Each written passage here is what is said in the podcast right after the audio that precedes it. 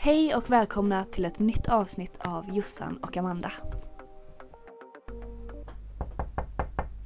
Hej hej! Hej Jossan! Hur är läget? Tack, det är bra med mig. Helt okej i alla fall. Hur är det själv? Jo då, det är bara bra. Lite lång dag bara. Lite lång dag. Klockan är bara eh, ett. Oj. Ehm, vill du ha en kaffe eller någonting innan vi kör igång? Jättegärna, jättegärna.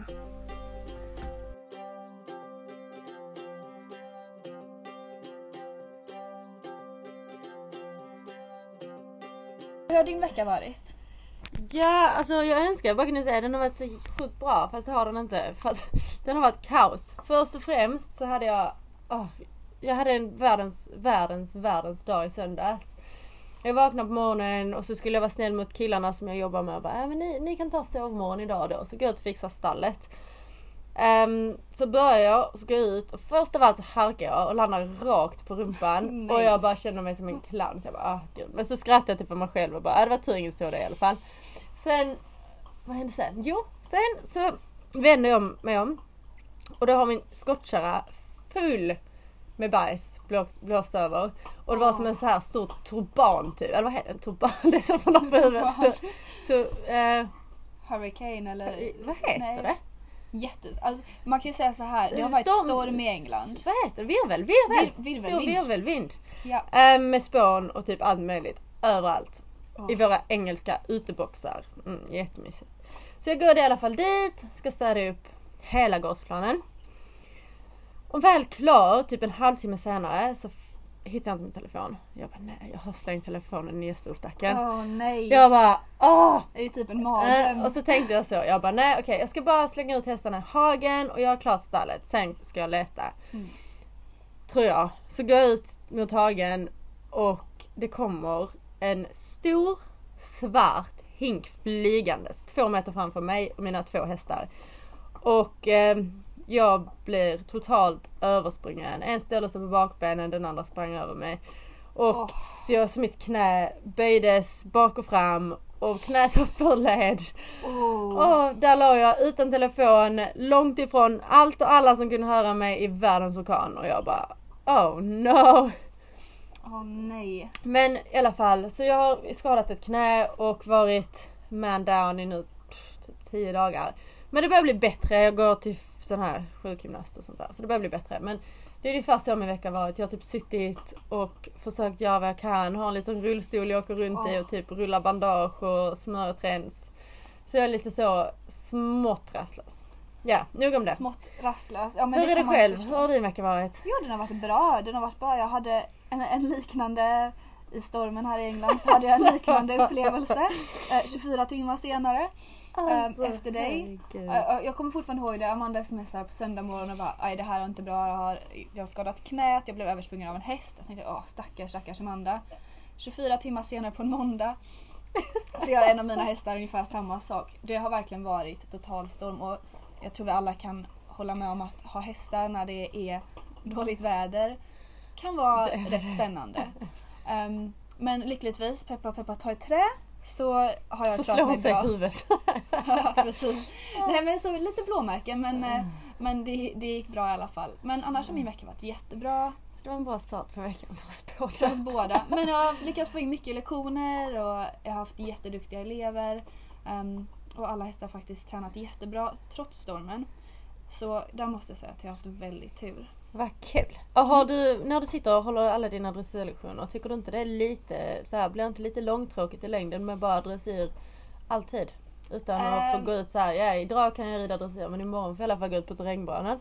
Jag går inte ut på terrängbanor så ofta men ehm, mina hästar gör jättemycket cavaletti. Ja. Ehm, vi har en galoppbana som är ja, liksom en bra, en bra framskrittnings ehm, tid lite Mm. längre bort. Så det, det, jag tror det är kanske sju minuter Mm, skrittning upp till galoppbanan. Vi gör ganska mycket jobb på galoppbanan. Eh, jag hoppar lite grann med Mm. de som tycker det är kul att hoppa. Och samma sak med mina dressyrlektioner. Så är jag också ganska... Alltså jag tror också man kan sitta och rida 20 000 volter Mm. men det är inte roligt för någon. Mm, mm. Så jag tycker det kan, kan vara ganska kul för allihopa. Och, Mm. Och kanske liksom hoppa ett litet hinder ibland eller göra lite bommar eller Få hitta lite något vari annat. va, va, vari Variation. variation. Ja men precis. ja, nej men det tror jag är jätteviktigt för alla. Så Josefin då hon, hon är dressyrryttare. ehm, och jag är fälttävlansryttare. Så att jag, vi, har lite, vi har lite olika ambitioner typ. Men ändå så är det faktiskt väldigt mycket som är väldigt lika. Det är väldigt mycket som är ganska lika. Mm. Jag, jag tror också att man kan säga så här, det finns ju, det- vad, vad är det folk säger? Att eh, fälttävlansryttare är oftast vilda och dressyrryttare finns det två variationer. Mm. Antingen Det de finns Josefin och sen finns det de andra. Ungefär kanske. Nej men jag tror också att det är, om man vill ha en glad atlet så får man Mm. liksom vara ganska öppen. Så, Ja men det tror jag också, det tror jag det handlar om oavsett vad man gör. Där tror jag bara skillnaden är att fälttävlan, i fälttävlan så måste, alltså vi tvingas göra alla olika Ja. grejer. Men för dressyrryttare så tror jag det är lätt att man att det är i alla fall så som jag kan få tänka mig. Alltså man, det är dressyren man tränar på för det är det man vill bli bra på. absolut. Medan i fälttävlan har man tre olika delmoment och sådär. Men jag tror, det tror jag också är skillnad här i England mot hemma. Är det inte det? Att man är lite mer dressyrryttare, tränar lite mer allsidigt. Eller det kan Jag tror, att det är, jag tror att det är en väldigt stor variation för jag har, jag har varit hos många dressyrtränare här i England också Mm, som, mm. Är, som är ganska liksom så här, ja men det är ingen idé att man går vidare innan man har klarat av det här eller det här. Och jag tror, alltså det beror så mycket på häst till häst och ryttare till ryttare. Ja. Men ehm, själv tycker jag i alla fall att ehm, om, jag hade, om jag hade behövt sitta på en 20 meters volt hela mina dagar på hästarna. Då tror jag att den som hade varit mest uttråkad är nog jag. Ja. Ja nej men precis och så, så är det väl med allting. Alltså det beror på vad, oavsett, förlåt jag ska bara bära upp min lilla hund i knät. Hej Kinsey, ska du vara med på podden? Ja. Um, oavsett vad man gör, alltså jobbar man, jobbar man på, alltså på typ vad finns det för jobb som är jätteenformiga? Typ om man jobbar på lager och ska göra det sju dagar i veckan, typ hela hela dagarna, då tycker Ja. man nog inte det är så kul i längden. Så att jag tror, oavsett om man kollar, kollar bara på människoatleter typ. Om du kollar på någon som är alltså 100 meters löpare, det är inte så att de springer 100 meter varje dag. Nej precis. Utan och, de tränar allt möjligt för att liksom bli starka och allsidiga. Ja och jag tror också när man, ehm, alltså när man tränar hästar och där tror jag att du förmodligen håller med. Mm. Alltså som yngre hästar så kanske man hoppar lite oftare om, om de är fälttävlanshästar eller hopphästar. Så Mm. när de är yngre så kanske man hoppar lite mer. Och när de väl blir äldre och kan sitt jobb då kan man liksom slappna Ändra av lite mer. fokuset lite. Ja men precis. Man vill, det tycker i alla fall jag att man oavsett vilken sport man gör så tycker jag att att man, det är bara, det är bara hunden som hoppar upp, hoppar upp på soffan och sätter sig i fönsterkarmen så hon kan titta på hästarna ute i hagarna och sånt där. Hon tycker inte om att vara inne så mitt på dagen riktigt. Ehm, ja förlåt. Um, vad sa vi? Nej men jag tror att det är viktigt att hästarna har en stor variation. Att Ja. man, man kan få, få ett allsidigt jobb in och att de ändå är glada och, och jag tror också att det, det, jag har träffat så många ryttare som, som har varit eh, man blir nästan för försiktig med sina hästar och de klarar inte av Mm, eh, mm. paraplyn eller om det, ja, som sagt som det blåser som det gjorde förra veckan och många var såhär, men vi kan ingenting." inte Ja. rida liksom. Det är kanske det man ska göra för då blir man inte överspringen. Nej det kanske man inte blir men, men å andra sidan om man ska kunna ta sin häst, om man ska tävla Ska man ordentligt. tävla den dagen så måste man ju kunna hantera Precis, och som det Mm. finns liksom stora tävlingsplatser där det Mm. finns flaggor och det kanske inte är ett paraply den dagen utan Mm. det kanske är hundra paraplyn Mm. som alla drar upp samtidigt för att det Ja. börjar regna precis när du rider upp på medellinjen. Om, Mm. man, eh, om man då inte har vant sin häst vid det innan då kan det bli jättesvårt när man väl är där. Ja men exakt, så det här, alltså jag tycker också har man, skulle jag ha en häst som ehm, skulle vara sämre på typ någonting sånt här istället för att undvika det så hade jag sett till att göra det varenda dag tills det inte var ett problem längre. Absolut. Alltså Absolut. mm, man får utsätta, man får ju träna på det som man är som minst stark på typ. Absolut. Ja, men det, det håller jag absolut med om. Och, och där måste jag säga, jag tror att precis he- hemma hos mig just nu så har vi precis början på polosäsongen. Ja ja ja, Och, det. där, eh, där jag hyr min gård i England. Vi, är, vi, vi ligger i liksom connection med Dubai Poloklubb. Och de ville att vi skulle ehm, ha, de ville hyra 60 boxar av oss i tre månader nu när de ska spela de stora Vilken matcherna. cirkus! Ja, så det kommer bli lite kalabalik. Men de senaste tre veckorna så har vi i alla fall fått lägga asfalt. Vi har fått hyra extra temporära boxar, ungefär 30 boxar till. Ehm, och det här har liksom blivit hänt precis bredvid våran utebana. Ehm, så, så det har varit ganska intressant för vi har haft alltså, grävmaskiner, allt möjligt. Ja. Och, ehm, och jag menar de första dagarna, så, och dessutom har vi haft storm då. Så det har liksom så här blåst regn i sidvärtes ungefär. plus alla de här maskinerna. Så det är klart att det kanske inte varit jättelätt för alla hästar. Mm. Ehm, men å andra sidan så skulle jag kunna säga den här veckan så skulle jag kunna åka med mina hästar i princip överallt och vara ganska lugn att även om en bomb skulle gå av Ja. så hade vi nog eh, hållit oss lugna. Ja, nej men precis, alltså det är väldigt mycket så. Det, alltså det kan jag komma ihåg lite grann från när jag, när jag, när jag bodde hemma i Sverige. Man var så himla, på något sätt var inställningen att undvika, undvika problem. Om man till exempel red en, en unghäst i ridhuset och de andra hästarna går ut. ja, Men då kanske man antingen ber dem att vänta eller så går man själv hem för att man vill inte att hästen ska bli orolig för den är själv.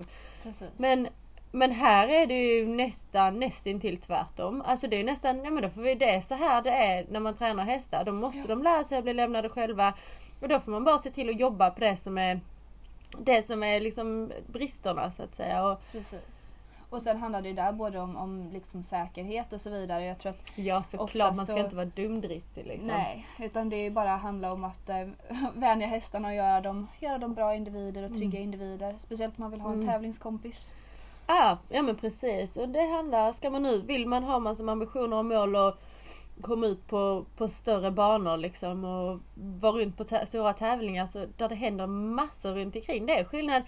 Det är ganska, ganska ofta som man tycker att, i alla fall tycker jag genom min så här, karriär så här långt, man rider hemma och gud vad bra allt känns. Alltså jag kommer ju vinna allting här. Men så kommer man in på banan och helt plötsligt är det något helt annat. Det går så bra när man tränar, det går så bra, man vet inte hur man ska träna annorlunda. Men sen så Mm. kommer man väl in på banan och det är egentligen det ibland kanske som man behöver träna på som mest. Precis. Precis.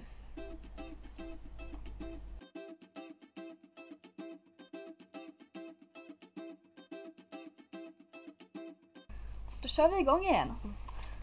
Yes, vad, men vad, vadå, så om vi snackar lite så här om det här med eh, inne på tävlingsbanan. Typ hur man kan förut, man kan träna på typ tävlingssituationer och eh, för att träna upp hästarna på varje olika miljö och sånt där. Men är det typ, tycker du att det är ditt största hinder? Eller vad känner du typ i din, eh, vad har du för för och nackdelar när du själv kommer in på tävlingsbanan?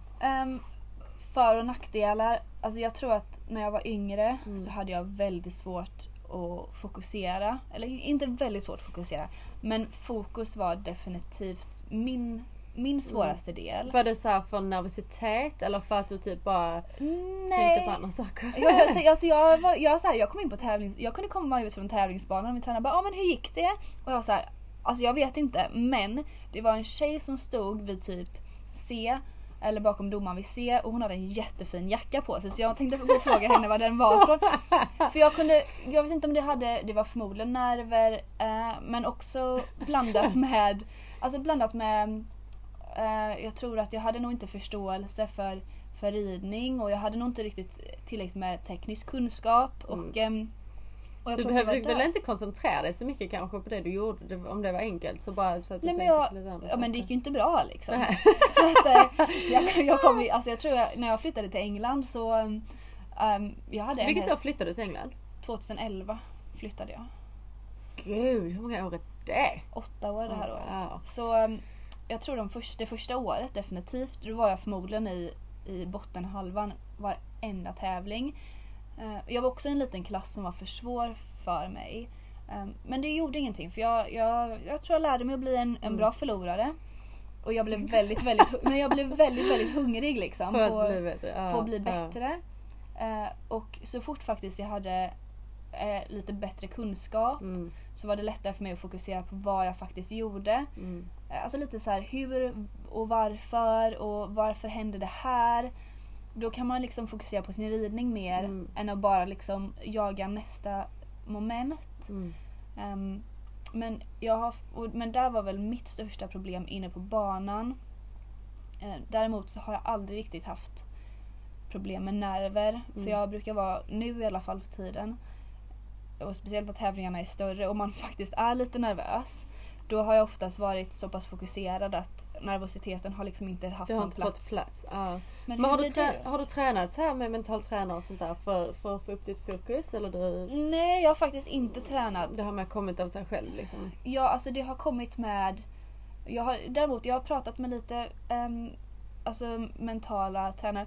Och vi hade, jag var med i ATG Hopp och Talang. Ja just det. Och Ja. där pratade vi ganska mycket om det här med liksom tävlingsmentalitet och, Mm. Och vad för syn man har på saker. Och ehm, jag måste säga de flesta av oss hade faktiskt en ganska bra ehm, alltså ganska bra koll på det här med, eh, med mental träning Mm. utan att ens ha gjort någonting med det.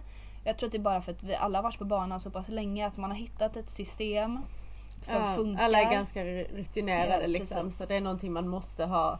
För att komma dit så måste man någonstans veta, ha lite styr på tankarna Ja. mentala. Ja precis och jag tror det är mest att vara väldigt ärlig mot sig själv. Man Mm. måste vara väldigt, alltså brutalt ärlig mot sig själv. Mm. Vad är faktiskt ett problem?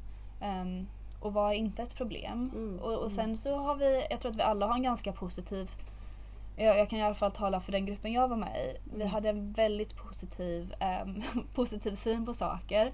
Jag tror det inte var någon som riktigt så grävde ner sig när det gick dåligt. Ehm, utan vi alla var så här: okej, det hände, vad var bra, gå vidare. Ja, Ganska bara rakt av, svart på vitt, enkelt. Mm. Det inte- var liksom inget... Inte gräva ner sig i någonting. Men vad, vad har du för syn? För jag antar att det blir lite annorlunda när det kommer till Mm. Jag vet inte om det kanske blir jätteannorlunda till hoppningen men till terrängen i alla fall. Ett helt annat tempo där. Ja, Alltså jag vet faktiskt inte om jag ska vara helt ärlig. Dressyren är ju bara lite fortfarande en sån grej som man ska bara ta sig förbi för att sen äntligen få rida banhoppningen i terrängen typ. Och ju mer man tränar ju bättre brukar det gå. Ja. Ehm, så att det är väl det är liksom, det känner jag inte så himla mycket nervositet för. Det är mer det att man bara vill man vill, bara få, man vill liksom bara få till det och inte tappa bort några, några poäng liksom. För det är precis som att man inte vill tappa sekunder i terrängen typ. Nej precis. Ehm, så där har jag väl inte varit så särskilt nervös skulle jag vilja säga. De andra momenten blir mer nervösa för att de är lite mer riskfyllda. Framförallt i terrängen. precis. Ehm, men alltså det är, det är någonting, så fort jag sitter upp i sadeln så finns det inte så mycket plats liksom. Det kan vara innan vet, man vaknar på morgonen, kommer ur lastbilen, det är lite kallt och så bara oh, känner man sig lite så Mm. smånervös, man vet inte riktigt, du vet så, den känslan. Men sen tycker jag så fort man sitter i sadeln så har man jag har själv väldigt noggrann plan som jag i stort sett följer på oavsett vilken häst jag rider.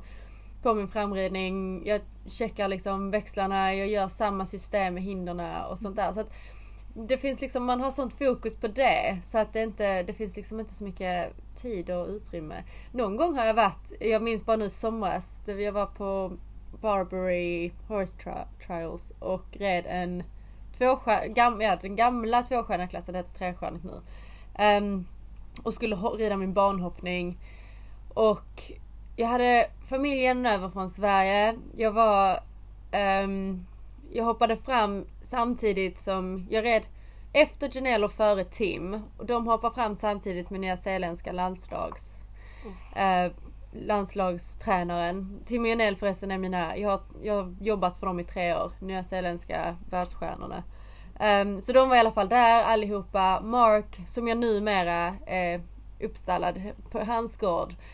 Um, han, han var såklart också där och stod och tittade för jag var typ en av de första att rida så alla skulle kolla in banan. Och det var du vet, en sån situation där det var precis alla stod och tittade på och man ville bara gå in och sätta den här nollan. Um, ja, hade hon myntet i munnen? Oj då. Min hund, hon, min hund städar golvet här. hon hittar lite pengar. Um, i alla fall, nej så det var verkligen en sån situation när jag bara kunde känna, det var, det var väldigt mycket som kunde ta fokuset ifrån och skapa en nervös cirkel. Ehm, men, men jag tror jag, det är också, när jag kommer i sådana situationer, jag brukar bara försöka jag, jag försöker bara acceptera att så är det och att eh, liksom bara fokusera, vända tankarna till min plan Ja. och inte låta de tankarna ta någon, få någon plats liksom. Men, men annars så... ehm, jag vet inte, alltså jag skulle inte säga att jag längre blir sådär jättenervös. Jag var ganska, jag kunde vara nervös en gång när jag red SM, ponny-SM. Åh jag var så nervös. Jag var så nervös Josefin. Jag hade gjort min bästa dressyr någonsin på min lilla ponny. Och skulle rida terrängen. Halvvägs runt terrängbanan. Ja. Så som tur var allra längst bort och det var inga människor på Tågarps klubb. Och, eh, Och så, så bara kräks jag. Alltså Nej. flera meter. Jag, kunde, inte- jag hade inte tid Nej, att men- stanna för då skulle jag ju tappa sekunder. Ja. Så i full galopp så sitter jag där och kräks. Jag bara jag hoppas ingen ser det här. Jag hade inte andats på säkert fyra Nej. minuter liksom. Och jag bara åh vänta shit jag var inte alls bra. Oj. Men jag redde mål och det gick bra. Jag tror vi kom trea. Oj, hjälp. men alltså det var, alltså då var jag väldigt nervös kan jag säga. Och det har varit stunder sådär såklart som man har känt, åh gud nu tar det över. Men det är också samma sak med, med lite mer rutin, precis som du säger. Ja. När, man har, när man har tävlat en del och det blir lite mer som vardag att tävla typ. Precis. Så, Och vad jag också alltid brukar säga med det är att också för att och liksom, jag, jag har också jättemycket elever som, som kan bli nervösa och de tappar bort sig. mm. Och jag har också alltid det här, jag har alltid en väldigt specifik plan. Um, ja, man kan skriva upp den i telefonen med Mm, liksom så mm. minuter. Mm. Um, för ibland kan man bli så här, "Ja, men jag är så himla nervös, jag sitter upp nu. Och man bara, men hästen behöver inte två timmar Och ibland är det det värsta som finns för då har man, tycker man att man är klar så ska, måste man vänta 20 minuter Ja. till. Ja men det går, Ja. det går inte. Så det är bättre att skriva en plan och sen så håller man sig till den. Mm. Och sen så får man alltid lita på, alltså jag säger alltid så här att om man har förberett sig, allt, om man har gjort sin förberedelse så gott man kan och man har gjort allt man har kunnat för att det ska gå bra innan. Går det inte bra, nej då kanske man inte riktigt var redo för den klassen Mm, eller det kanske var mm. något som hände. Men jag tror att så länge man inte kan, kan skylla på att "Ja, men så här, "Ja, ja, men jag hade inte tillräckligt lång uppvärmning för att jag var Mm. försenad till Mm, tävlingsplatsen. Då kan man liksom inte skylla på någonting och, och har man en plan som man följer och man vet att man har gjort sina förberedelser bra då kan man på något sätt slappna av lite Så fort man kommer in i ring, ringen så kan man bara säga åh vad skönt, Ja. nu har vi gjort alla förberedelser så nu kan vi bara köra. Precis. Ja, det kommer Så jag ihåg som slappna väl av. att jag tränade, jag gick på ridsportgymnasiet i Vellinge när jag, Ja. när jag gick gymnasiet. Eh, Och det var väldigt, väldigt bra. Vi hade lite gästtränare och sånt som kom in. Ja, Vi hade Maria Gretzer en del, hon kom in ja, lite då och då. gud vad roligt. Det var jätte, jättekul.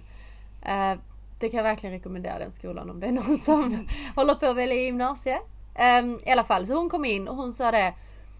Har, har du gjort all, alla dina förberedelser i framridningen? Alltså Ja. inte bara framridningen givetvis. Men är du förberedd, då är det det lättaste som finns att sen gå in och hoppa banan. Dina växlar funkar, hästen är med dig.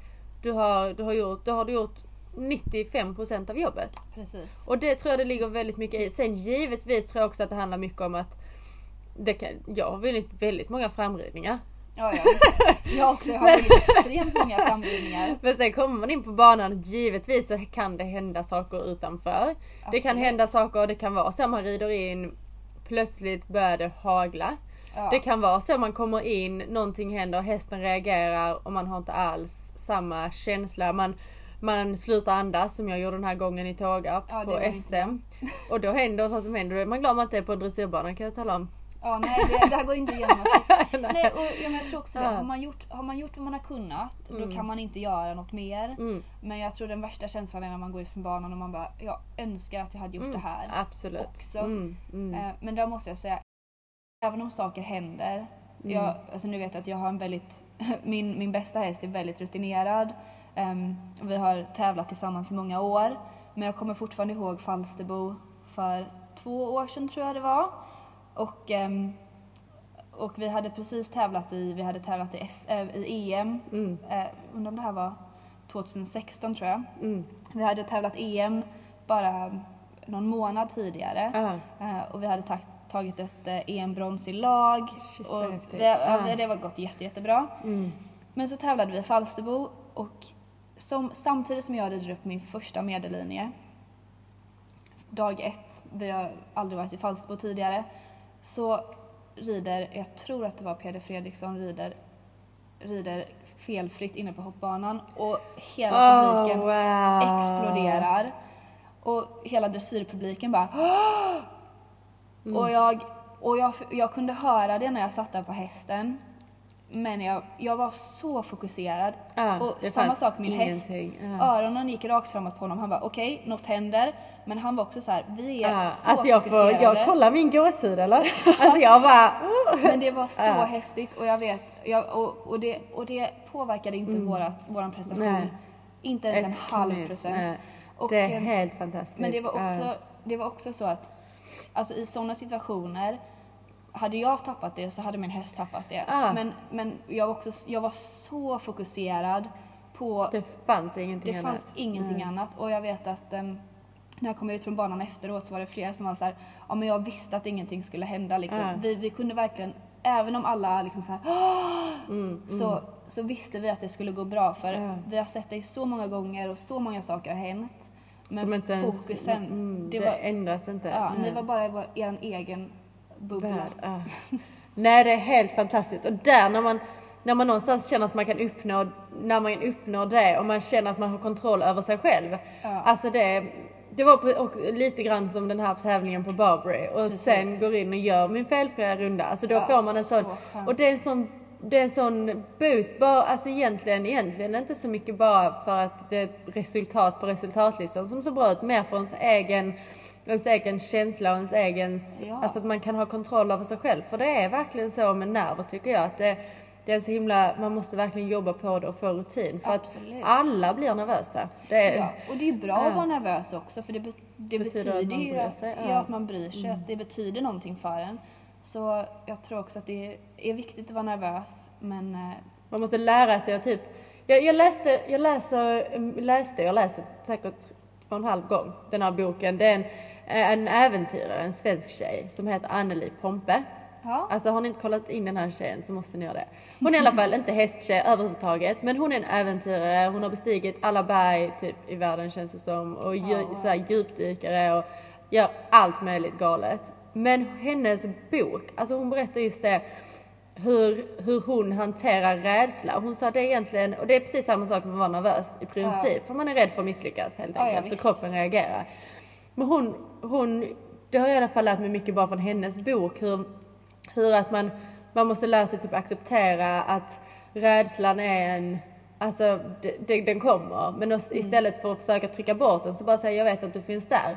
Men Ja. vi, om vi gör så här så gör vi det bästa av situationen. Att man vågar Precis. acceptera att kroppen reagerar för det är ett positivt tecken att vi fungerar. Ja, ja, men, visst. och sen, ja, men, alltså det, det, den är jättebra så läs hennes bok allihopa och lyssna. Hon är med på massa poddar. Jag har typ lyssnat på varenda.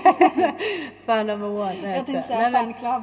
Nej men typ, alltså det, det finns så himla mycket att lära sig från även, inte bara ryttare utan faktiskt så mycket andra människor som Absolut. mental träning, andra sportsmän och vara lite öppen och Ja. intresserad. För det, jag tror man kan lära sig så mycket om man lär känna sig själv på den nivån. Precis. Och sen kan man Mm. lära sig också, jag tänkte säga på andra sporter och andra atleter. Eh, man kan också lära sig väldigt mycket från sina hästar. För jag vet Ja. också med rädsla, alltså hästar är flyktdjur och vi, det är väldigt ofta vi får hantera deras rädsla. Och, och vad Och spänner vi? vi oss så skickar vi signaler till hästarna, shit någonting är farligt och då vill de fly. Precis, Mm, så, och, och, där, och det är någonting som vi får hantera hela tiden och speciellt när man tar ut hästar på nya banor och så vidare. Där måste vi ju vara väldigt noggranna med vår egen, vårt eget kroppsspråk och hålla oss själva lugna. Men sen också om vi nu får den här flyktinstinkten i hästen och väckas till liv, ja antingen kan vi hålla kvar i munnen så länge vi bara orkar, eller så kan vi försöka styra den här koncentrationen. För egentligen vad som händer i dem är att de har mer adrenalin och de är mer på tårna. Ja, men vi skulle faktiskt kunna använda det här till fokus och, Ah, till och till extra energi. Så, så vrid om det här till någonting positivt. Både för dig själv och för hästen, exakt. Precis, Ja. och det är väl så jag har hanterat det lite också. Att, ja, men hur gör jag när jag hanterar det för hästarna? Jag försöker alltid Mm. vända det till någonting så, som kan bli en fördel. Mm, Och samma sak med mig, blir jag nervös, får jag det här, den här adrenalinkicken, ni vet när allting går i slow motion Mm. Ja. fast det egentligen inte gör Ja. det. Ge dig själv den Precis. extra energin och staminan istället för att liksom låta det trycka ner dig. Precis.